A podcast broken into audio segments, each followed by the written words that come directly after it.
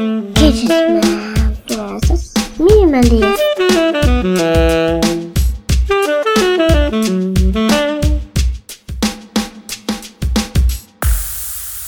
Welkom bij Gadgetman versus Minimalist. Eh, De podcast waar we met een kritische blik kijken naar nut, noodzaak en natuurlijk de fun factor en het hebben ding gehalte van allerlei gadgets. Eh, ook deze podcast wordt natuurlijk mede mogelijk gemaakt door mijn vaste partner in podcasting, Mark Bars. Hey Mark, Dag Erik, daar zijn we weer. hartstikke mooi dat je er weer bij bent. Kijk, Hey Mark, januari 1982. januari 1982, even denken, Dat ja? is eh, een tijdje geleden. Hè? Ik was een jaartje of elf eh, en in de winkels verscheen een apparaatje.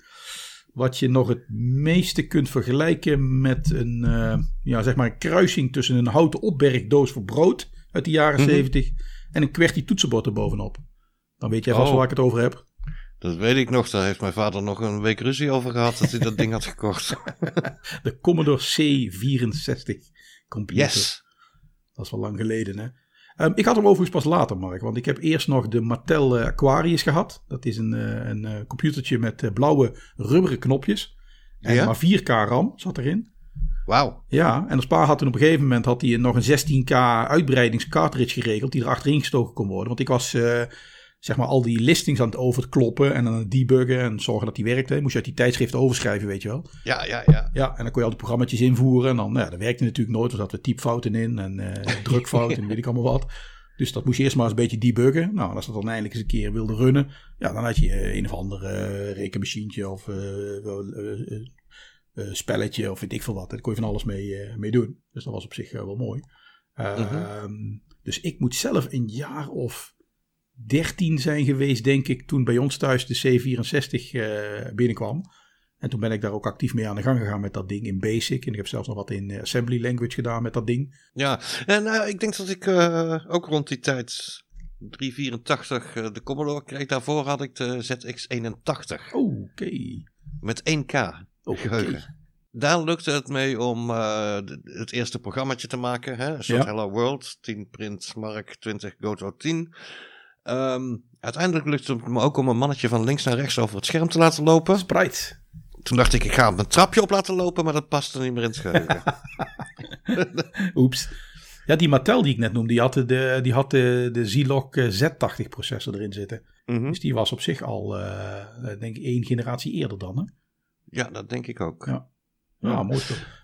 Maar die Commodore 64, dat is wel eh, waar ik het op geleerd heb, zeg maar. Kijk, kijk. En, de, en de, de reden dat wij het er nu over hebben, want ik bedoel, mensen die de podcast luisteren zullen wel denken, jemig, de pemig, die veertigers, die, eh, die, die, eh, die zijn even van de wereld af, die gaan terug de historie in. Maar de reden wij het erover hebben is, hij is terug, heb ik begrepen. Ja, 119 euro. Kan je hem kopen? Een Commodore 119 64. Commodore 64. Dan moet je even toelichten, wat is daar aan de hand joh? Ik bedoel, is dat de originele of wat is er gebeurd? Nou ja, het is de laatste tijd wel heel erg eh, in die, die retro computertjes. Hè? Je hebt Mhm. de, de minis gehad. Ja. De mini Nintendo heb je. de- tegenwoordig die ROMs die kun je gewoon downloaden van internet in plaats van kopen voor 65 gulden per stuk. Ik weet niet hoe legaal dat is overigens, maar Hm, weet ik eigenlijk ook niet, maar de, we hebben ook de RetroPie besproken natuurlijk, hè? Ja, in een ja. van de eerdere afleveringen. En dat was natuurlijk ook al volgedouwd met allerlei software uit de jaren 80. Klopt. En die Commodore 64 is er twee jaar geleden ook geweest in een mini-uitvoering. En dat was een eh, ja, cute computertje met een klein bordje erin wat, met een emulator. Mhm.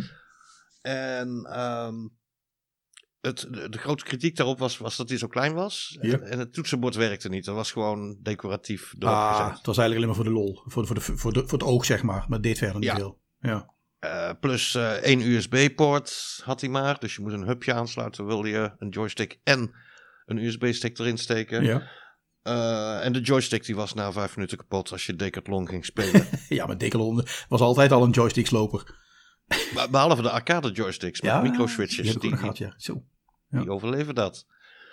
Ehm, nou, inmiddels twee jaar later, die fabrikant is verder gegaan. Dus ze hebben de, de, de rechten van, eh, van het merk. En ze hebben een full-size Commodore 64 uitgebracht met een working keyboard. Kijk. Tot op zekere hoogte. Eh, shift en de Commodore key Ja. kon je gebruiken hè, om bepaalde tekens Ja. eh, te doen. Die zijn ook netjes geprint op de toetsen. Oh. Dat was bij de Mini niet zo. Ehm, En de Shift Lock, ken je die nog? Ja, die ken ik nog. Ja, Die, die, dat is gewoon een, een pushbutton nu. Ah, die die blijft niet hangen. ja oké. Eh, maar Run Stop Restore werkt. Mooi. Schijnt ook nog dezelfde feel te zijn als vroeger. Dus je moet het drie keer doen voordat hij het één keer doet. dat ken je ook nog. Ehm, ik heb even gekeken naar de review van de 8-bit guy. Dat Ja. is wel een eh, Ja. autoriteit op dat gebied. Ja, voor die retrocomputers wel zeker. Ja. Ja, en die heeft het even vergeleken met een originele Commodore 64. En de afmetingen zijn niet exact gelijk, Mhm. maar die zijn gelijk aan de VIC-20. Oh, de voorloper van de, de C64. Ja, En waarom hebben ze dat dan weer in gedaan? Want ik bedoel, Commodore 64 heeft toch zijn eigen afmetingen? Dat kan je toch ook gewoon eh, maken? Dan. nou tegenwoordig met de bordjes die erin zitten, zit er ook een VIC-20, die krijg je erbij. die zit ook in die Oh, Commodore natuurlijk, 64. Je kan hem in- opstarten Ja. in VIC-20-mode. Oh, je kunt meerdere oude modellen emuleren, zeg maar. Ja, nou, meerdere, de VIC-20 alleen. Alleen de VIC-20. Oh, dus de VIC-20 en de, en de C64. En that's Ja. it. Maar er zit toch geen hol in die kast? Ik bedoel, de- bedoel zo'n modern eh, Raspberry Pi-achtig bordje, dat is 7 centimeter eh, bij, wat is het? Een. ARM-processor zit erin. Ja. Dus eh, ja, hij heeft hem opengemaakt en er Ja. zit bijna niks in. Nee, dat, in een hoekje zie je een printje en dat is de, het ARM-bordje met een keyboard-controller. Ja. En onder het keyboard zit een metalen plaat voor die eh membraanaanslag. Ja. Dat is het grootste onderdeel van de hele computer. Dus eigenlijk hebben ze als het ware de rechten gekocht voor de oorspronkelijke kast. Voor, voor, voor, voor die brooddoos, zeg maar. Voor die ronde bruine brooddoos met die, met die bruine toetsen, zeg maar. Dat hebben ze eigenlijk gekocht. En daar hebben ze dan een, een soort van ARM-achtige, zeg maar Raspberry Pi-achtige computer in geduwd. Ja, en het merk hebben ze gekocht. en uiteraard hebben ze de merkrechten gekocht, want dat moet natuurlijk ook. Ja. En dat kun je natuurlijk gewoon aansluiten op HDMI, neem ik aan. Want die oude televisies bestaan niet meer. Ja, HDMI zit erin met 50 of 60 hertz switch, dus kan je Ja. kiezen. Eh, vier, ports, vier USB-poorten. Dat is eh, veel voor zo'n dingetje. Ja, zeker. Ehm, even kijken, je kan hem instellen op eh, 4.3 sch- schermafmetingen. Ja. Inclusief een eh, CRT-simulator. Krijg je die strepen eroverheen, zoals vroeger. Ja, ja, ja, ja die beeldlijntjes. Ja. Eh, 16.9 kan ook. En dat ziet er eigenlijk het meest natuurlijk uit. Want die 4.3 mode lijkt wat te smal als ik dat in, eh, in mijn herinnering vergelijk met wat het nu is.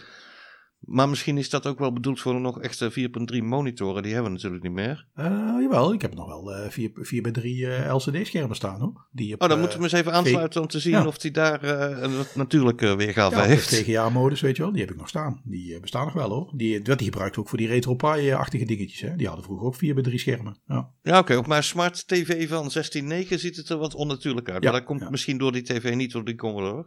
Ja. Eh, de meegeleverde joystick is er nu ook eentje met microswitches geworden. Ah, dus die gaat niet meer kapot met Decathlon. Nee, die is niet wat voor. Je had ook van die eh, joysticks met die, die, die, die ijzeren bubbeltjes, zeg maar. Die braken meteen af. Ja, Ja, ja. mijn vader heeft nog heel erg vaak joysticks moeten solderen. Want je had allemaal van die ingewikkelde straaljagerachtige joysticks. Maar die hadden geen microswitches. Die waren na een week kapot, joh. Dus had hij weer te solderen. Ja, ja, ja. Allemaal weer maken. Maar die microswitches, die gingen niet kapot. Nee, mooi spul. Ja. nee, dat hebben ze nu goed gedaan. Verder eh, esthetisch. De kleur die lijkt op de originele Commodore 64. Daar Mhm. waren destijds wel verschillende releases van. Eh, dus het komt niet helemaal overeen misschien met die, die, die jij je herinnert. Maar eh, Close enough toch, denk ik. close enough for me, ja. Ja, maar weet jij nog precies welke tint dat was vroeger? Als je er zo eentje op je bureau legt, dan zie je dan meteen dat het niet de goede kleur is? Of heb je zoiets van, nou, Nee. dat is echt close enough. Dat is close enough. Ik weet het ook niet meer precies welke tint beige dat was. Dat was een hele vage bruine kleur, dat weet ik nog wel. Maar om nou te zeggen of, of dat nou lichtbruin of, of een beetje gele of ik weet het niet meer hoor. Plus in die tijd werd er nogal gerookt in de woonkamer. En dat was alles is ook wel geel. wat met de kleur. Dat klopt, ja. dat zag je door die blauwe mist in de, in de woonkamer toch niet. Ja, nee, maar ik heb hem aangesloten en met eh, Laura, die inmiddels eh, vier jaar is. Ja. Die vindt het fantastisch, al die spelletjes. Ja, die, die, die, oude, die oude games die zijn simpel. Die, die, die vragen behendigheid, timing. En die, je kunt daar patroontjes in herkennen. Dat, dat hele idee van op die manier gamen. Namelijk gewoon veel doen en dan eh, zeg maar weten waar je naartoe moet. Mhm. Ja, dat, dat, is natuurlijk, dat spreekt kinderen natuurlijk nog steeds aan. Want dat snappen ze meteen met al die ingewikkelde games van tegenwoordig. Man, dan ben je drie weken een handleiding aan het lezen. Ja, ja klopt. Ja. Eh, en even kijken, twee manieren nog om op te starten. Je hebt eh, de, de carouselmode. Er zitten natuurlijk al een stuk of 70 spellen in. Ja. Hè, die staan op dat bordje, dat kost ook verder tegenwoordig niks extra. aan geheugen. Ehm, of je kan hem opstarten in de originele Basic V2 met 38911 Basic Bytes Free mode. Ja, want van die 64k die erin zat, hield hij niet zo heel veel meer over. Hè? 38k had je over en daar kon je dan je programma's inschrijven. Dat moest je mee doen. Ja, ja, ja, klopt. Ja, dus uh, het, was, het was leuk om dat weer eens even te zien. Een soort sentimental journey. Ja, um, de emulator werkt uh, snel. Mhm. Uh, alleen het opstarten duurt 20 seconden. Dat is net zo lang als een PC. Dat was vroeger niet zo. Nee, die was redelijk, die redelijk snel. of redelijk langzaam met opstart, kan ik me nog wel herinneren. Dat duurde, dat duurde heel even hoor. En had je Wat, die Commodore? Nee, die ging gelijk aan, hè? Ja, maar je had die, die tape recorder moest eerst een dingetje nog doen. Dat bedoel ik. Ja, je moest eerst uh, moest je, je bandje terugspoelen. Moest je je oh, het laden, ja. Ja, ja, klopt, die Commodore stond wel aan. Maar je moest, voordat je echt iets kon doen, moest je nog wel even uh, je bandje terugspoelen en, uh, en je programma inladen hoor. Dat duurde nog ja, wel even. Ja, nee, maar destijds inderdaad, je zette hem aan en dan kreeg je meteen dat basic Ja, dat zoveel bytes free scherm. Dat duurt nu 20 seconden. Ah, oké. dat is iets van, ja, vanwege dat die, ARM-bordje waarschijnlijk. ja, die moet ik even wakker worden. Ah. Ja, maar inderdaad, het laden van, van zoals vroeger met een turbolader en duurt het nog heel lang. Dat is niet meer. Hij haalt het van de USB, daar zet je je rommetjes op en het is, het is allemaal zo binnen. Maar dit is toch echt wel een dingetje voor de, voor de oudere jongeren. Ik bedoel, de, bedoel, de jeugd koopt dit toch niet? Dit is toch gewoon uh, nostalgie. En uh, alle veertigers die ooit zo'n ding hebben gehad, die, die kopen zo'n apparaatje voor 119 euro en denken, nou grappig. En je doet, voor de rest doe je er ook geen donder meer mee. Nou ja, kijk, tegenwoordig, ik werk uh, als software engineer. Mhm. En ik gebruik nog steeds eigenlijk loops. Ik gebruik nog steeds if-then uh, routines. Wat ik destijds op dat ding geleerd heb. En dat Ja. werkt nog steeds hetzelfde. Ja, dat, dat klopt. Dat klopt. Ja, op, op zich, Mark, in, in essentie, uh, als je kijkt vanuit het processorperspectief, zeg maar, is er eigenlijk niet zo heel erg gek veel veranderd. Hè? Ik bedoel, die hele architectuur van die processor, van die 6510 uh, CPU die erin zit, Mhm. weliswaar 8 bit, maar toch die hele uh, opbouw van dat ding, de werking van dat ding, is in essentie nooit meer veranderd tussen uh, zeg maar 1982 en uh, de meest moderne smartphone tegenwoordig. Ja, precies. Input, output, uh, ja, media. Input, processing, output en, en uh, programmeren in uh, assembly language en de hele manier waarop die processor werkt. Dat is eigenlijk niet zo, niet zo heel veel veranderd. Ja. Ja, het is vooral sneller geworden, denk ik. Hè? Het is vooral een, heel stuk, een heel stuk sneller geworden. Ja. Maar misschien wel even leuk om daar eens even wat meer op in te zoomen. Hoe dat nou eigenlijk zo'n beetje gekomen is. Want daar ligt inderdaad, zoals jij zegt, daar ligt de basis van wat wij nu tegenwoordig nog steeds doen als we in Python programmeren of in C of in C++. Of als we naar onze, onze Raspberry Pi kijken, wat in feite ook uh, nog steeds eenzelfde soort processor is als in 1982, zeg maar. Ja, dus misschien ja. wel even, een, ja, ik wil even, uh, even op inzoomen, zeg maar. Is wel even leuk. Ja. ja, goed idee. Mark, waar denk jij dat de basis ligt van onze moderne computers? De basis, dat heb ik ooit op school geleerd. Dat was toch Charles Babbage? Charles Babbage, ik zou zeggen uh, nog een stukje eerder. Um, want wat we wel eens vergeten, Mark, is dat die computers uh, werken met binaire code. Hè, twee toestanden, eentjes en nullen, schakelaars die aan en uit kunnen. Ja. Um, en dat idee moet natuurlijk ook ergens vandaan gekomen zijn. Um, wat mij betreft begint de computer uh, eigenlijk in 1840 bij George Boole met de Booleaanse algebra. Hmm. Hè, dus de combinatie van logica en algebra. Ja. Hè, waarbij de logica uh, zeg maar zich bezighoudt met stellingen die waar en niet waar zijn. Hè, true en false. Die ken je wel natuurlijk in computerland. Hè? Maar wat Boole eigenlijk bedacht had, is dat die stellingen, die eenvoudige stellingen die waar en niet waar kunnen zijn, die kan je ook combineren tot allerlei gecombineerde stellingen. En dan kun je die met logische connectors verbinden, met AND en OR en NOT en dat soort spul. Dus Boole heeft eigenlijk bedacht dat je met die logische stellingen net zo kunt rekenen als in andere vormen van de wiskunde. En dat is ook de reden dat wij die booleans in de programmatuur natuurlijk zo vaak terugzien. Dat is eigenlijk een referentie naar George Boole, die bedacht had, je kunt twee getallen met elkaar optellen, met Mhm. een plus, maar je kunt ook een AND doen of een OR of een NOT. Ja. Dus die hele logica wiskunde combinatie, die komt eigenlijk van George Boole. En wat mij betreft is dat echt het begin van, uh, van uh, ja, waar computers uh, zeg maar begonnen zijn. Hoe ze nou. in de basis werken, ja. Ja, en als je dan ongeveer zo'n 100 jaar doorspoelt, Mhm. dan kom je, naar mijn idee, kom je dan, denk ik als, als een van de belangrijke personen, kom je tegen Shannon, hè, Claude Shannon.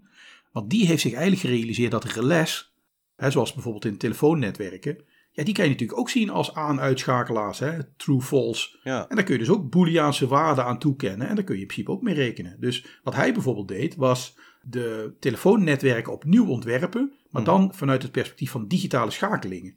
Hè, dus, dus die ging op een gegeven moment met zijn relais ging die het binaire systeem gebruiken. Ah, Ja, want, hè, want een re- relais die kan aan en uitstaan, dus die kan je ook gebruiken om een AND schakelijk mee te maken of een OR. Ja, tegenwoordig noemen we dat allemaal logic gates. Hè? En of je die dingen nou maakt met relais of met transistors. Ja, volgens mij is het idee hetzelfde. Ik bedoel, het kan aan, het kan uit en je kunt combineren. ja. Ja.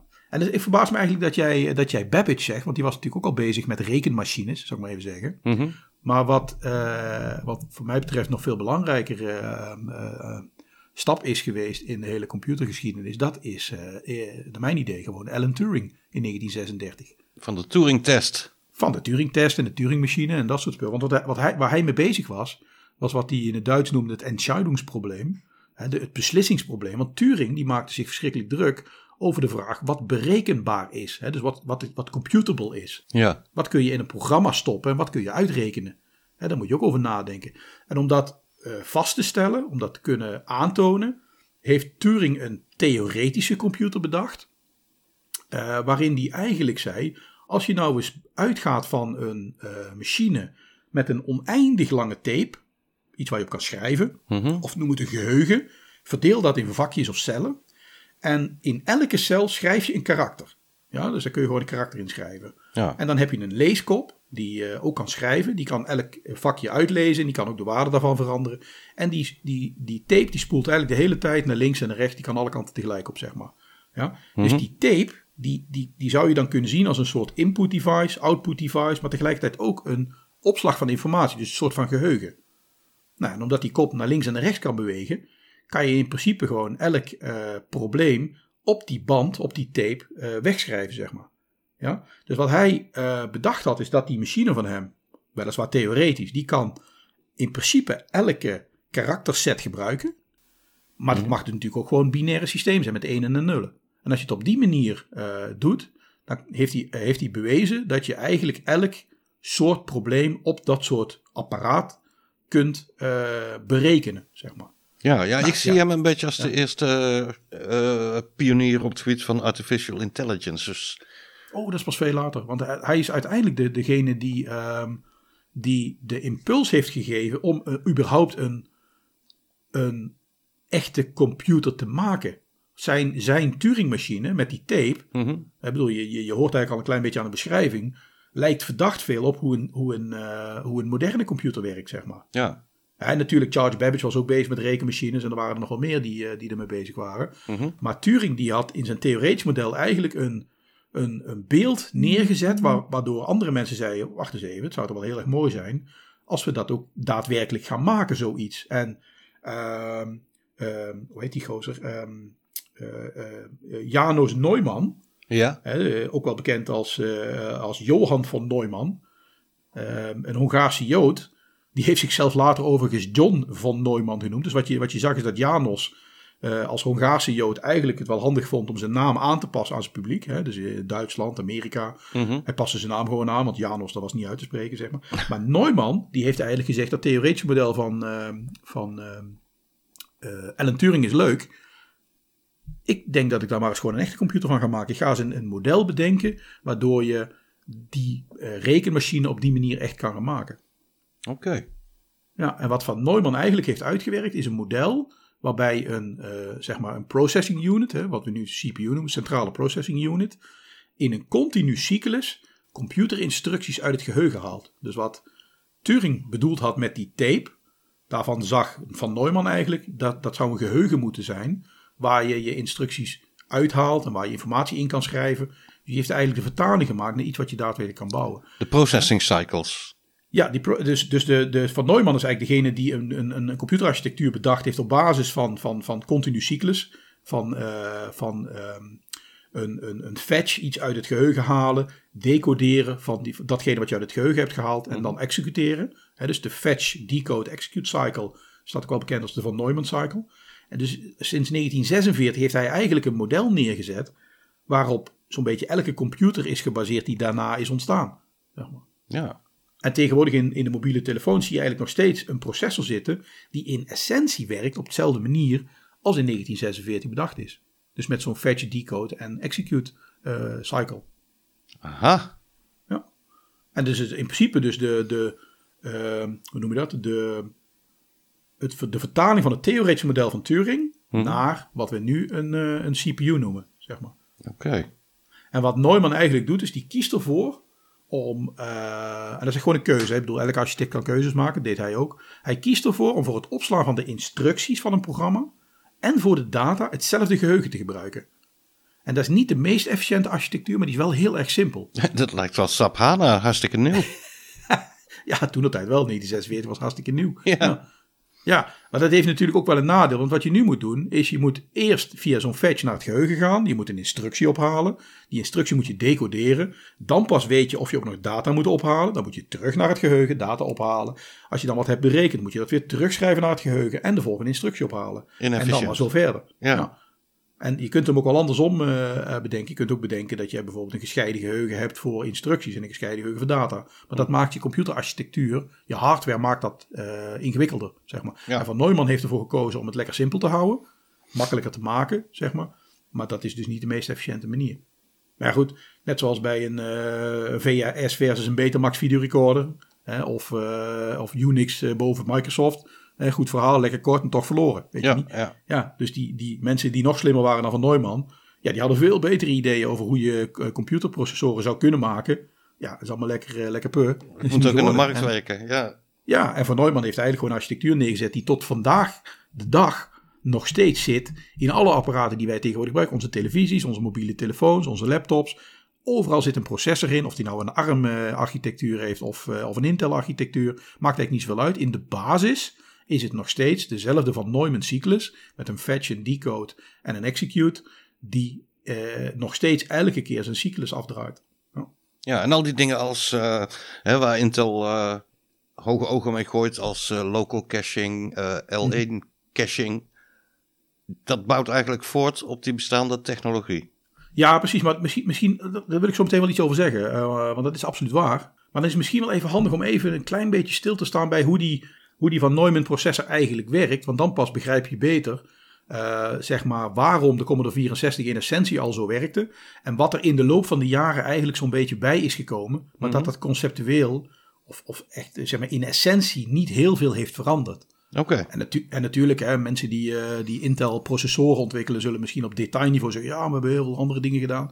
Maar conceptueel, in, het, in essentie, is er niks veranderd. Nee. Dus vanaf het, vanaf het perspectief van je programma, wat jij vroeger in Basic schreef op jouw Commodore 64, of vanuit het perspectief van het programma wat ik tegenwoordig nog steeds schrijf in, eh, in C of een, of een Python, Mhm. vanuit dat perspectief, als dat eenmaal vertaald is naar machinetaal, is er eigenlijk niet zoveel veranderd. Het is nog steeds een instructie, er is nog steeds data, er wordt nog steeds naar het geheugen gegaan. Dus het idee van een centrale processing unit, een CPU, met een extern memory waar je je instructies uitleest en waar je je data wegzet, dat model is nog steeds overeind gebleven.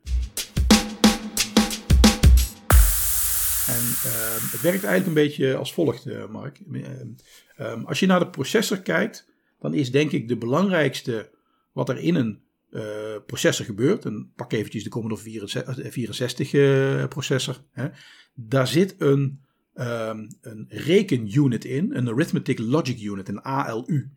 En dat is de, eh, dat is de chip die alle rekenkundige en logische bewerking kan uitvoeren. Dus daar gebeuren alle ANDs en ORs, Mhm. XOR, NOT operaties, maar ook dingen als optellen, ophogen, hè, increment, bitshiften, bitjes naar links en naar rechts schuiven. Dat gebeurt allemaal in de ALU. Ja? Dus dat ding eh, zou je een beetje de Casio F, eh, FX82 kunnen noemen in je processor. Daar, daar worden alle berekeningen uitgevoerd. Ja. Nou, dan heb je daaromheen natuurlijk nodig een aantal registers. Een register is niks anders dan een klein stukje geheugen in je processor. eh, waar je supersnel bij kunt. Dus Mhm. dan kun je even, even je data wegzetten en weer inlezen. Dus er zitten een paar van die registers zitten eromheen. Nou ja, per processor verschilt het aantal en het type van dat soort registers. Maar het idee is een beetje hetzelfde. Lokaal geheugen waar je bij moet kunnen. Nou, heel belangrijk in een van Neumann cyclus eh, processor is wat we noemen een program counter register. Dat is het registertje waar je de pointer hebt staan naar je instructies. Dus met andere woorden, waar in het geheugen moet je de volgende instructie van je programma inlezen. Dus dat ding wijst de hele tijd naar je geheugen van hier moet je de volgende instructie gaan, gaan ophalen. zeg maar. Ja, ja. Nou, die ALU, hè, die, die, die Casio zeg maar, die heeft een eigen registertje waar je data kunt klaarzetten voor de berekeningen en waar je de resultaten weer in kan zetten. Die noemen ze vaak de accumulator. Dat is gewoon een aparte naam voor zo'n registertje. Elke processor heeft zo'n ding. zeg maar. Ehm, en als je er nou voor de aardigheid van uitgaat dat je, zeg maar, naast die eh, accumulator van je ALU nog twee registers hebt. Eentje waarin staat welk adres je uiteindelijk moet gaan lezen, zometeen. Dus met welk adres in het geheugen eh, je naartoe moet. En de tweede is waar je de data kunt wegzetten die je uit het geheugen hebt gelezen. Hè, dus je hebt een, memory adresregister en je hebt een memory dataregister. En die En hebt registers, even voor, voor mijn begrip, en misschien ook van de luisteraars, ehm, dan hebben we het over geheugen binnen de processor, niet binnen de over RAM. processor.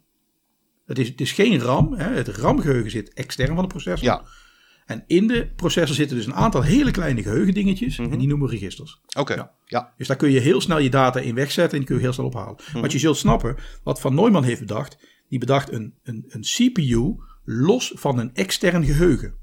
En het, het, het nadeel is, je moet dus vanuit je processor moet je naar het externe geheugen toe, data ophalen en weer terughalen naar je processor. Dan lezen, dan beslissen wat je wil en dan weer een rondje naar je externe geheugen en weer Ja, terug. ja, ja. zeg maar. Ja. En dan hebben we nog één heel belangrijke component niet genoemd. Hè?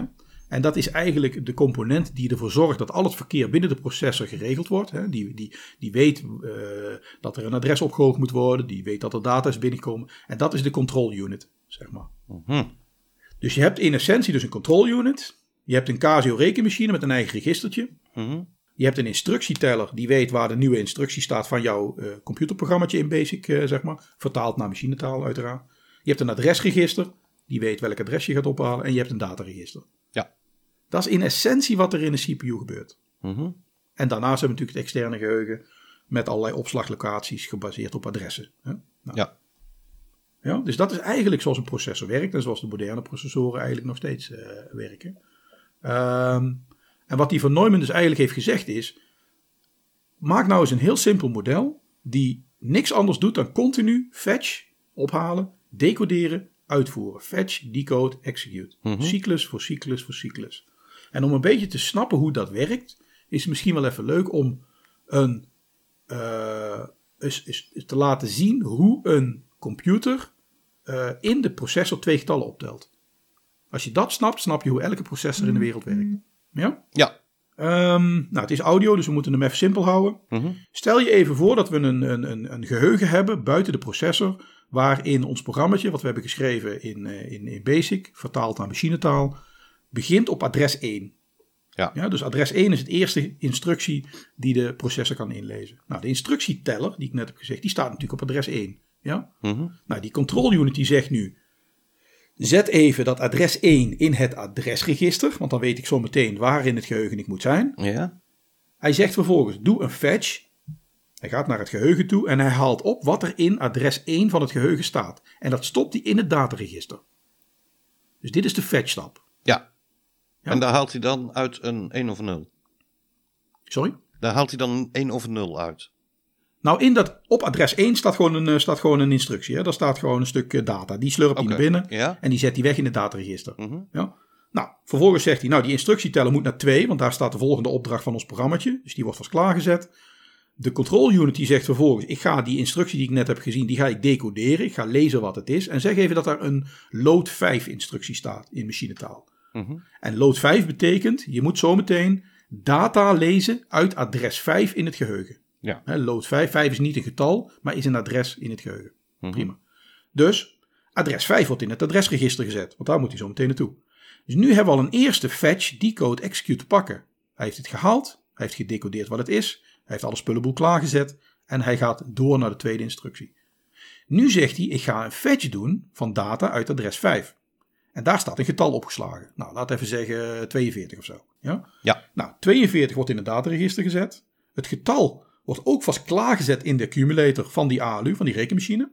En zodat die Casio er zo meteen bij kan. Ja? Ja. En eigenlijk zijn we nu alweer klaar voor het volgende rondje in die cyclus. Ja? Want nu zegt hij, oké, ik ga de volgende eh, instructie ophalen. Nou, de instructieteller staat op 2. Dus de instructie op dat adres wordt opgehaald. En wordt in het, eh, in het, ehm, in het dataregister geschreven.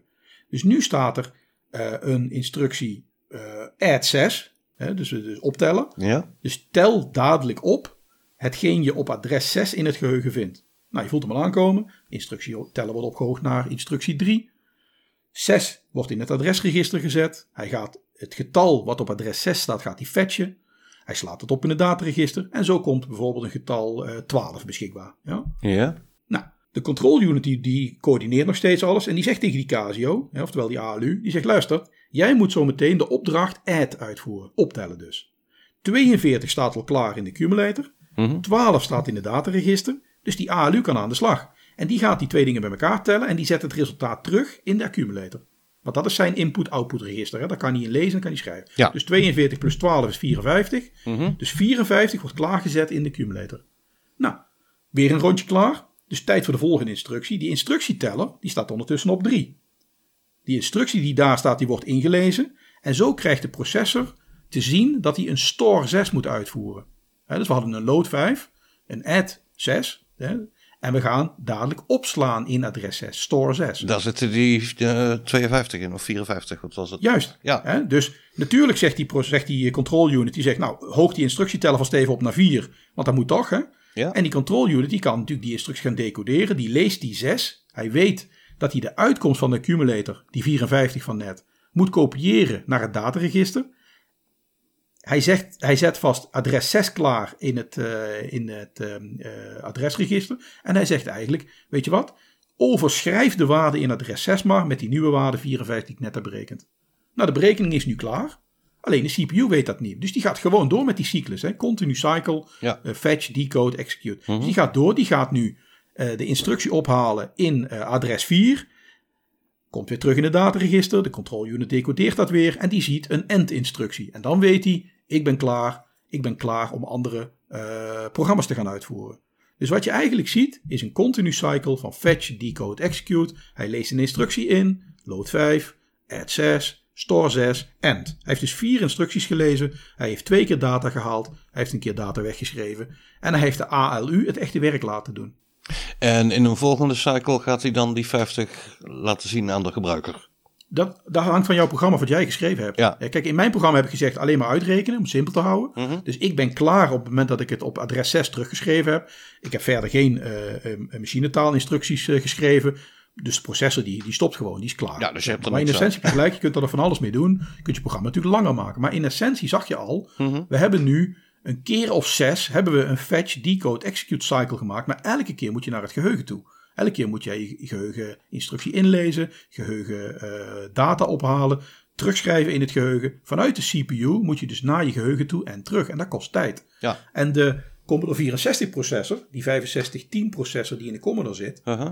die werkt precies zoals ik nou beschreven heb. Met die registers, eh, met een ALU, met een control unit. Ja? En in de, eh, in de moderne processoren, wat jij net al een beetje aangaf, daar zijn natuurlijk in de loop van de jaren wel allerlei optimalisaties doorgevoerd. Mhm. Hè, denk aan eh, je cachegeheugen in je processor. Hè, eh, je L1 en je L2 cachegeheugen, wat je in de, de computers wel eens ziet staan, zeg maar. Eh, dat zijn eigenlijk stukjes geheugen waar de, waar de instructie in weggeschreven wordt. om te voorkomen dat je, als je dezelfde instructie binnenkort nodig hebt, omdat je weer terug moet naar het externe geheugen. Dus die cache is letterlijk een cache voor instructies. Eh, die je misschien 10, 10 cycles verderop weer een keertje nodig hebt. Puur voor de snelheid, ja. Puur voor de snelheid. Want eh, eh, lezen en schrijven uit het externe geheugen kost tijd. Als je dat geheugen organiseert dicht bij je processor, dan is het natuurlijk veel sneller. Nou, je register is niet groot genoeg, maar zo'n cachegeheugen, zo'n level 1 cache of zo'n level 2 cache, daar kun je één of meerdere eh, instructies in kwijt. Ja, die kun je natuurlijk veel sneller op, eh, ophalen. Ja, ja, ja. Maar wat je misschien ook nog weet met, met de introductie van de, van, de, van de 286, kregen we op een gegeven moment co-processoren. Ja? Hè, die gingen dan de zware berekeningen doen met zwevende kommagetallen, allerlei grafische functies en toestanden. Werden allemaal uitbesteed aan andere processoren. Denk aan je grafische kaarten met die, eh, met die GPU's, met specialistische taken om eh, te kunnen rekenen, zeg maar. En je had natuurlijk allerlei manieren om meer parallel te gaan rekenen. Hè, dus denk aan hyperthreading, eh, multiple cores hè, die we tegenwoordig hebben, hè, quad cores en, en eight cores en van dat soort processoren. Maar in essentie wat je ziet, is dat die nog steeds meerdere ALU's hebben. Dat ze meerdere rekenunits hebben waar, je opdrachten aan kan geven. En dat de processor organiseert dat die dingen efficiënter doet. Maar de Van Neumann cycle, met die fetch, decode, execute, draait nog steeds. Kijk. Dus vanuit het perspectief van je programma is dat eigenlijk niet zo gek veel veranderd. Ah. Ja, dus de, de, de basiswerking van, eh, van computers, eh, van de Commodore 64 destijds, nu, de PC is eigenlijk niet zo heel veel veranderd op wat optimalisatie, of eh, Mhm. heel veel optimalisatie na. Heel veel optimalisatie, maar in het, in het fundament, in de, in de, zelfs op het niveau van wat Boole heeft bedacht met de AND en de OR en de XOR operaties, optellen, bitshiften. Voor dat soort operaties is er eigenlijk niet gek veel veranderd, zeg maar. Eh, ja, er zijn meerdere processorkernen bijgekomen. Er is wat caching bijgekomen, maar in essentie is er niet zo heel veel veranderd. Sinds de, nou ja, goed, de eerste processoren die verzonnen zijn door Van Neumann, zeg maar. Ja, maar er gaat wel wat veranderen, hè? want we staan eigenlijk aan de vooravond nu van quantumcomputers. Ja, zeker. Quantumcomputers, dat is natuurlijk weer iets compleet nieuws. Ja. Ja, Google heeft de eerste gekocht. Mhm. Was groot in het nieuws. Was eigenlijk niet de eerste, want D-Wave was er al mee bezig. Dat is een bedrijf die, eh, die eigenlijk als eerste quantumcomputer aanbiedt als een service. Mhm. Maar dat gooit het model toch wel een beetje overhoop, hè? Heb je het een beetje ge- gevolgd, die ontwikkelingen? Niet heel erg eh, in depth, zou ik maar zeggen. Maar ik heb er wel natuurlijk een klein beetje naar gekeken. eh, Ook eh, omdat dat topic op het werk zo nu en dan voorbij komt, zou ik maar zeggen. Maar quantumcomputer is inderdaad een computer die niet werkt op basis van de Van Neumann cycle. Dus die, die een nieuwe, die, zeg maar een nieuwe architectuur heeft. Ja. Ja, en die gaat uit van quantum bits. Mhm. En die kunnen zijn in een superpositie. Hè, een gewone bit die is 1 of 2, zo'n schakelaar, aan of uit. Ja. Maar die quantum eh, bits, die qubits, die kunnen beide posities hebben. Ja, dat is voor mij, dat, dat, dat wil mijn brein gewoon niet snappen. Dat is eh kwantummechanica met, met, met superpositie, dat iets tegelijkertijd alle toestanden kan hebben. Dat, ik, ik, ik, ik, ik lees dat, ik hoor dat en dan gaat het licht uit, zeg maar. Oké, nou ik ben eventjes gaan internetten. Want eh, je kan tegenwoordig eh, overal eh, expert van worden als je, het, als je de tijd ervoor neemt. Want op internet zit alle informatie op je fingertips. Zeker. Maar ik moet eerlijk eventjes de, de, de illusie weghalen. Ik snap hem ook nog niet helemaal. Weet je wat, weet je wat, wat ik wel eh, las trouwens? Is dat de. Kijk, wat je bij de traditionele eh, processoren ziet, bij de ALU eigenlijk, zijn Ja. allerlei logische operators. Hè? Dus XOR, AND en dat soort zaken. Die hebben ze voor de quantumcomputer ook verzonnen. Allerlei varianten van wat je in de traditionele computer ziet als een AND-berekening of een OR-berekening. Hè? Dat soort logische operaties, zeg maar. Ja, Eh, die hebben ze voor de quantumcomputer ook bedacht. Dus in essentie, wat ik ervan begrijp, is dat een quantumcomputer nog steeds binair werkt. Dus je hebt een 1 of een 0 eh, als toestanden. Je hebt dus niet meer dan twee toestanden. Het is nog steeds binair. Je hebt nog steeds lo- logical gates. Alleen heb je nu dus quantum logical gates. Ja. Die, die, die met quantum ehm, eh, getallen overweg kunnen, zou ik maar even zeggen. Ehm, dus in dat opzicht zijn ze nog wel wat vergelijkbaar. Maar de manier waarop die hoe die qubits werken, het feit dat ze dus een superpositie kennen eh, vanuit kwantummechanica, dat maakt hem dan fundamenteel anders, zou ik maar zeggen. ja, en dat is eigenlijk wat je zegt, kwantummechanica. Dat is niet echt computer science. Dat is helemaal geen computer science. Nee, want wat is nou de, de, de theorie zoals ik hem begrepen heb? Ehm, superpositie creëert twee realiteiten. Ken jij nog Schrödinger's cat? Ja, dat is dat beest wat of dood is of levend is, afhankelijk van wanneer je kijkt. Ja, Die? in die doos. In die doos, ja. En pas op het moment dat je kijkt, wordt het realiteit dat die kat dood of levend is. En zo werken die qubits ook. Dus je hebt entanglement, twee qubits met elkaar gekoppeld. Maakt niet uit waar ze zijn, fysiek. Zo gauw jij de status weet van de ene, die kan je uitlezen, weet je dus ook die van de andere, want die is andersom. Ah, oké. En daarvan heeft Einstein al gezegd, dat kan dus sneller dan het, dan het licht. Oké, dat, is- dat zit gewoon direct aan elkaar verbonden. Eh, de ene qubit beïnvloedt de andere qubit. Dat is een beetje de essentie dan. Dat is de essentie. Ah, oké. En dat heeft weer te maken met de algemene relativiteitstheorie. Ehm, we zien het niet, maar het is er wel. Een deeltje is op twee plaatsen tegelijkertijd. Dat is die superpositie. En als je gaat observeren, de ene werkelijkheid, dan verdwijnt die andere werkelijkheid. Ah, Oké, dan, valt- dan, dan, dan zeg maar, dan, dan, dan stort hij eigenlijk één tot één toestand. Ja, en dat heet objective reduction. Zolang je niet observeert, bestaan alle toestanden tegelijkertijd. Maar op het moment dat je gaat observeren, va- valt die in één tot één mogelijke. Precies. En als je dat eh, bij wijze van spreken elke keer opnieuw doet, dan neem je elke keer een andere werkelijkheid waar, als het ware. Ja, Dat, zo werkt dat is dan een beetje het idee. Dus als je maar heel vaak kijkt, heb je waarschijnlijk alle toestanden een keer gelezen of zo. Uh, ja, want dat is natuurlijk ook een dingetje met quantum computing. Dat wordt vooral ingezet om waarschijnlijkheden te berekenen, probability. Ja, ja. En je kan bij IBM kan je een quantumcomputer zelf al gebruiken. Aha. En ik heb daar een testje op gedaan door een quantumcircuit te maken. En daarin kwam inderdaad uit een, een, een hele hoge waarschijnlijkheid Mhm. dat als ik één lees, dat er aan de andere kant nul uitkomt. Oh, maar dat is geen 100% match. Ah, Oké, dus je, je, bent eigenlijk aan het rekenen met waarschijnlijkheden. En als de waarschijnlijkheid maar hoog genoeg is, dan is de uitkomst betrouwbaar genoeg. Exactly. Ah, oké, zo, zo zit hij in elkaar. En daarom wordt het quantum computing vooral ingezet, eh, bijvoorbeeld bij het eh, herkennen van eh, foto's, face recognition. Oh, oké, ja. Daar is Dan- waarschijnlijkheid heel Ja. belangrijk bij.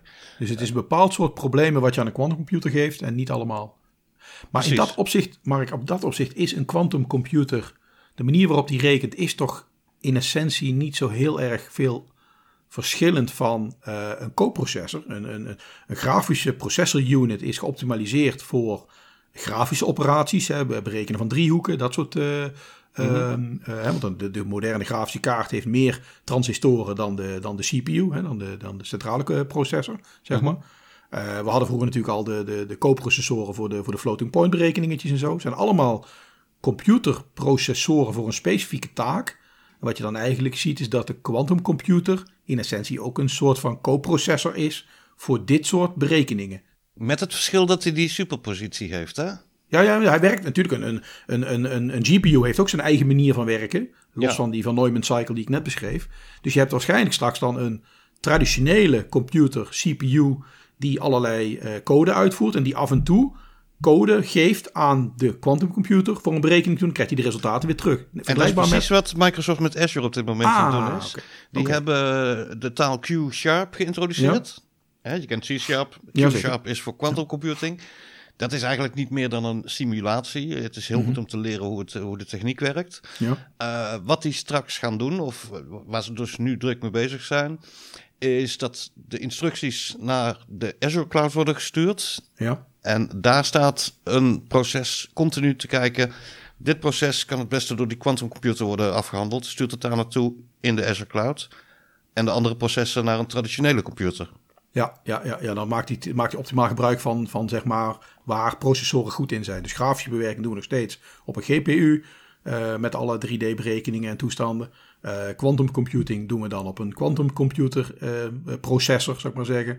En eh, bepaalde andere berekeningen doen we gewoon op een traditionele CPU, bij wijze van spreken. Dus hij, hij, hij, hij kijkt gewoon welke instructies moet ik waar uitvoeren. Dus in principe waar we vroeger al konden zeggen, zorg dat deze operatie uitgevoerd wordt niet in de ALU van de processor, maar in de coprocessor. Bijvoorbeeld Ja. in de 286 hè, met, met de floating point. Doe dat maar daar in de chip. Kun je straks tegen je code zeggen, zorg er maar voor dat deze code uitgevoerd wordt op de quantumcomputer. En geef mij het resultaat terug en dan ga ik er daarna wel weer mee verder. Zoals Microsoft het nu heeft, is dat die Azure servers dat gaat bepalen. Die bepaalt, ja, dat zal hij natuurlijk op machinetaalniveau doen. Want dit zijn ook maar gewoon instructies natuurlijk die... eh, Ja, bepaal je niet als programmeur. Dat bepaal je waarschijnlijk als. Pro ja, wij programmeren in een hogere taal. Dus uiteindelijk wordt dat, wordt dat gecompileerd naar machinetaal. Mhm. Machinetaal heeft instructies. En een aantal instructies zullen wijzen naar. Dit zou je op een quantumcomputer moeten doen. Dan. Ja, ja. Ja, oké. Dus die, die hele die compileerslag die we natuurlijk traditioneel al deden van Basic of van C of, of Python naar eh, machinetaal. Naar die, naar die instructies. En naar die, eh, die, die ook in assembly taal eh, zelf gaan invoeren. Die load en die add en die eh, store. Dat soort instructies. Die moeten uiteindelijk ook natuurlijk vertaald worden. En een aantal daarvan zullen dan naar een supercomputer wijzen. Heb Ja. ik, denk, denk ik me zo. Ja, Ja. En dan nog even over de inner workings van die supercomputer, hè, van die quantumcomputer. Ehm, het verschil tussen zekerheid en waarschijnlijkheid, Ja. dat wordt genoemd constructive interference, hè, storing. En je hebt positieve constructive interference, dat is amplifications. Je hebt ook destructive interference.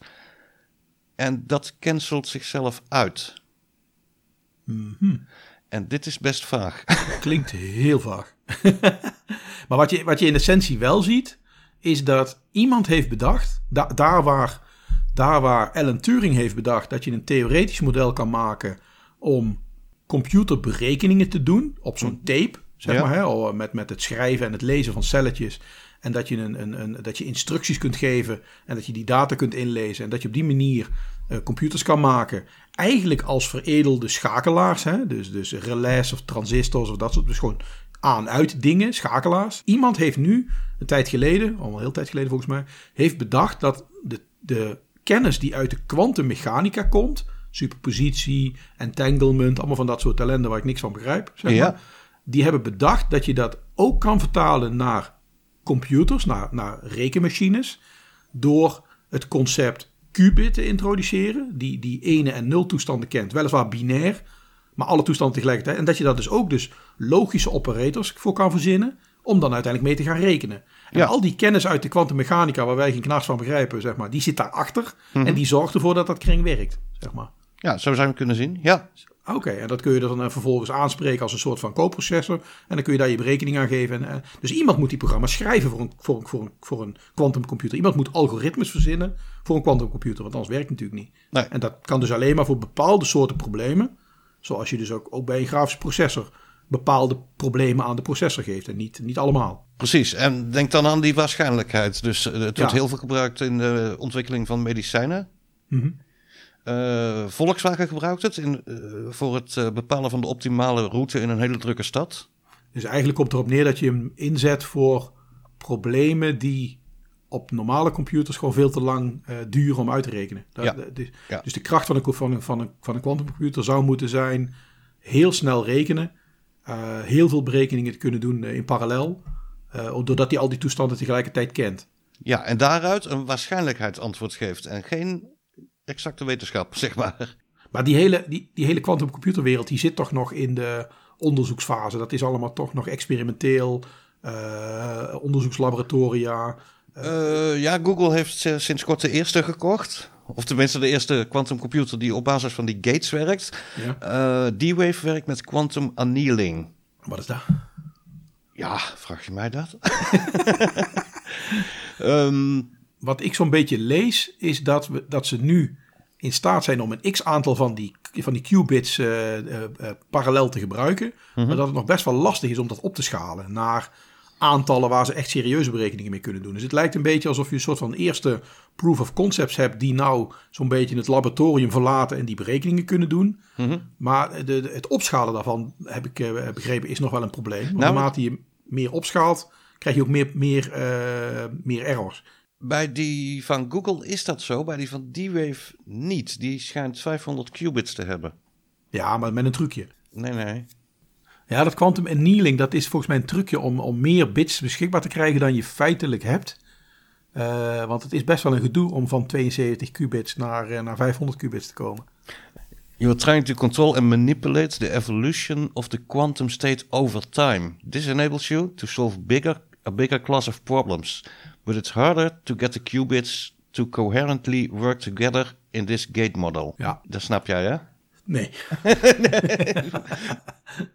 wat, je, wat, je, ja, wat je eigenlijk naar mijn idee een beetje ziet is, zoals met alle soorten van, van ontwikkeling, conceptueel hebben ze bewezen dat ze in staat zijn om met qubits te rekenen. Ja. Het, het, het verder ontwikkelen is een pain in the ass. Want je komt allerlei problemen tegen met, met, eh, met, met fouten, foutgevoeligheid en, en, en dat. Die moet je corrigeren. Je moet die error handling moet je daar weer opzetten. Dat kost ook eh, kracht. Waardoor je eigenlijk ziet dat die hoeveelheden qubits nog niet heel erg rendabel zijn. Dus het zit eigenlijk nog een beetje in de beginfase. Maar in essentie kan dit natuurlijk heel groot worden voor bepaald soorten van, eh, van, eh, van berekeningen.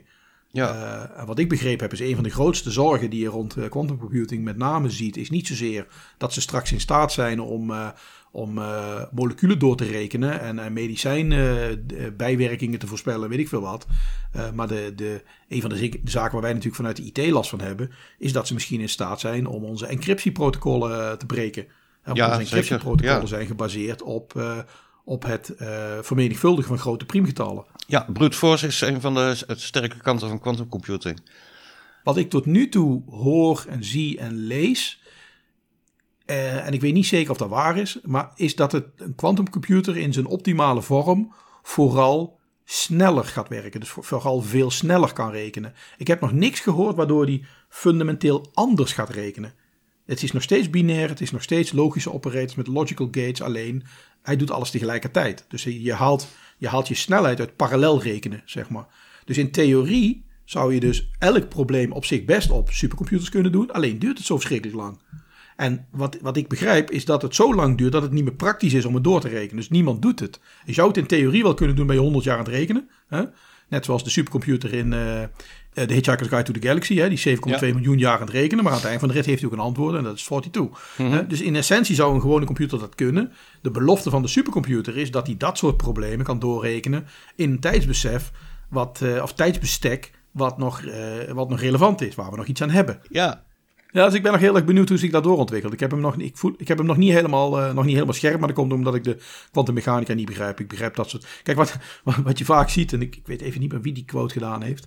Uh, elke zeer geavanceerde technologie is in eerste instantie niet te onderscheiden van magic, van, van, van, ma van magie nee, eigenlijk. Nee. En dat, dat heb je hier ook. Dat is hier Superpositie, entanglement. Dat zijn allemaal begrippen die zo uit de New Age in komen overdwarrelen als je niet oplet. En nou, nee, wel eens wetenschap, hè? Ja, ja nee, nee, dat weet ik. Maar wat je, wat je natuurlijk ziet is die als, je, als, als mensen het uitleggen, het lijkt heel erg op New Age en zweverigheid en toestanden. Ja, ja, ja. Er zit natuurlijk een heel theoretisch kader achter. Maar wij begrijpen dat kader nog niet zo goed. Waardoor het heel moeilijk te vatten is wat er dan precies gebeurt. Het gebeurt op een schaal die we niet snappen. Het, er gebeuren dingen die eigenlijk in ons brein niet goed kunnen. Hè, dingen die tegelijkertijd bestaan en pas, pas uh, omklappen als we er naar kijken. Dat zijn allemaal dingen die kwantummechanica moeilijk maken. En omdat kwantummechanica moeilijk is, zijn supercomputers per definitie ook moeilijk te begrijpen. Ja, ja. Hè, de, de inner workings, zeg maar, een, een, een traditionele computerchip begrijpen, dat heb ik net uitgelegd, dat gaat prima. En nu moet je diezelfde operaties eens proberen te doen met een, met een, super, met een quantumcomputer die van dit soort kwantummechanische effecten gebruik maakt. Ja. ja, daar gaat bij mij gewoon het licht uit. Um, wel even een disclaimer. We hebben deze show opgenomen nuchter en niet aan de drugs. Absoluut. Ja. Drugsvrij en alcoholvrij. Mocht je het interessant vinden, net zoals ik, en uh, zeggen van... hey, ik wil er eens mee aan de slag. Kijk even bij IBM. Die hebben een quantum circuit board wat je kan gebruiken. Grafisch helemaal, hoef je niet voor Zeker. te programmeren. En dan kan je met een echte computer... Een echte quantumcomputer kan je iets door laten berekenen. En Microsoft heeft de Q-Sharp uh, taal. Die zit in mm -hmm. de Quantum Development Kit. Die kun je mm -hmm. gratis downloaden om eens te leren van... Uh, hoe zit dat nou in elkaar? Dus wij zeggen eigenlijk twee dingen, Mark. Wij zeggen eigenlijk voor iedereen die uh, boven de 40 is en ooit iets met computers heeft gedaan, zo rond de jaren 80, zeg maar, die moet eigenlijk nu terug naar de Commodore 64 8-bit computer op basis van een 6510 CPU. Hè, met een Van Neumann cycle. Die gaat gewoon weer opnieuw beginnen met uh, assembly language en met instructies. En gewoon keihard coderen op die 6510 processor. En tegelijkertijd zeggen we ook van, je moet even een stapje maken naar de toekomst. Dan ga je maar eens verdiepen in de quantumcomputers, want die gaan het compleet anders doen. Uh, en daarvoor hebben we ook resources genoeg. Dus je kan aan beide kanten van het spectrum ja. van, van, van, van, van computer science, kun je helemaal los terug naar vroeger. En, en jaren vooruit richting wat we nu quantum noemen. En voor beide blijven volgens mij toepassingen. Ongetwijfeld. Alleen voor de quantumcomputer moet ik ze nog wel zien hoor. Ik, uh, ik, ik heb echt de indruk dat het nog wel een aantal jaren gaat duren voordat daar echt serieuze oplossingen komen die ook daadwerkelijk op, op wat, wat, wat grotere schaal inzetbaar gaan zijn. Ik denk dat dat zeker nog uh, misschien 10, 15 jaar gaat duren voordat dat echt mainstream wordt. Ja, ja. Mijn, mijn, mijn beleving is dat het nog heel erg in de laboratoria hangt. Je kunt de eerste computers daarvan kopen, maar het is allemaal nog niet, uh, het is allemaal nog niet spectaculair. Nee, maar ja, in 1975 was het ook allemaal nog uh, niet voor Zeker. Jan met de pet beschikbaar, hè? Nou ja, kijk even terug naar het begin van dit verhaal. 1982, de Commodore 64, Ja. die eigenlijk de huiscomputerwereld start. eh, samen met de Zilog eh, S80 processor. Eigenlijk de hele, hele beweging in gang zet waar we nu eh, dagelijks gebruik van maken. Met twee laptops op tafel en een smartphone en ik weet allemaal niet En we wat. hebben gezien hoe hard Ja. dat kan gaan. Dat is hard gegaan. En met de quantumcomputers kan het op zich best hard gaan. Maar goed, het kan sowieso nog wel een jaar of wat duren voordat het echt... eh, eh, ja, zeg maar. Voordat echt- je hem onder de kerstboom vindt, de, de eerste quantumcomputer. Ja, precies. De eerste quantumcomputer thuis al mee. We hebben, niemand heeft ooit een supercomputer in huis gehad. Hè? Dus dat, Nee. dat zal met de quantumcomputer ook niet gebeuren. Precies, en wat gebeurt er straks als je met meer dan de snelheid van het licht dingen gaat doen? Spannend. Ja, geen, geen, geen idee. Ik- De, de- wat, wat er dan, wat, bij mijn beleving is er niks sneller dan het licht, toch? Nou ja, de, de, de entangled eh, quantum bits zijn sneller dan het licht volgens Einstein. Oh, dus wie weet komen we dan nog wel eens in 1985 terecht. wie, wie wie, zal het zeggen? Ja. Laat eerst die grote jongens als Google en IBM en wie er allemaal en, en, en, en D-Wave, Ja. hè, die grote bedrijven die daar nu eh, volop inzetten, laat die eerst maar eens even een aantal jaartjes lekker doorprutsen aan de hardware. En, eh, zorgen dat ze die, eh, die, die, die qubits een beetje kunnen opschalen. En dan, en dan zien we maar weer eens verder. Het is leuk om er even van te proeven vast. Hè? Ja, toch? Ja. hartstikke mooi. Dan, dan zijn we er volgens mij doorheen voor vandaag, Mark. Ja, oké. Dan eh, zeg ik eh, bedankt weer voor deze interessante conversatie. Zeker. En we sluiten natuurlijk af met eh, onze traditionele afsluiter. Houdoe en bedankt en tot de volgende keer. Houdoe! Houdoe.